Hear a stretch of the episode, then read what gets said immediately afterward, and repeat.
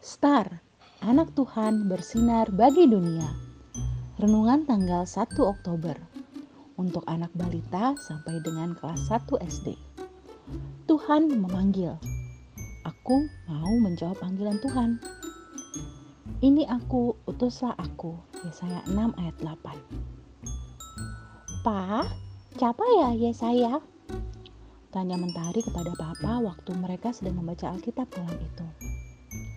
Yesaya itu seorang nabi. Nabi itu adalah orang yang memberitakan pesan Tuhan. Apa nabi bisa salah bicara, Pak? Bintang penasaran. Bisa, kalau dia tidak mendengarkan suara Tuhan dengan baik. Aku mau jadi nabi, Pak. Wush, kamu anak kecil mana bisa? Kalau Tuhan mau, siapa pun bisa. Tapi sekarang sudah tidak ada nabi, kan sudah ada Alkitab. Semua orang bisa membaca Alkitab. Jadi, semua orang bisa mendengar suara Tuhan dari Alkitab.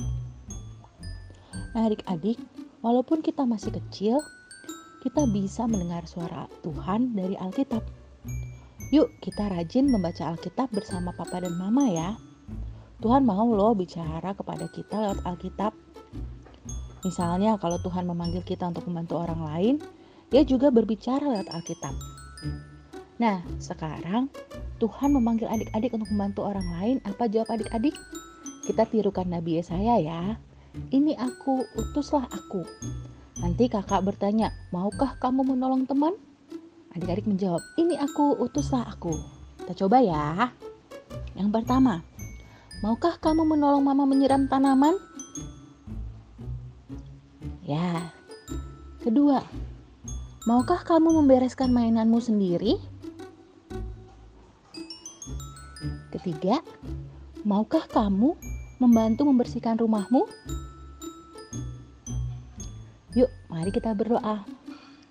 Tuhan Yesus, ini aku. Utuslah aku sesuai kehendakmu. Amin.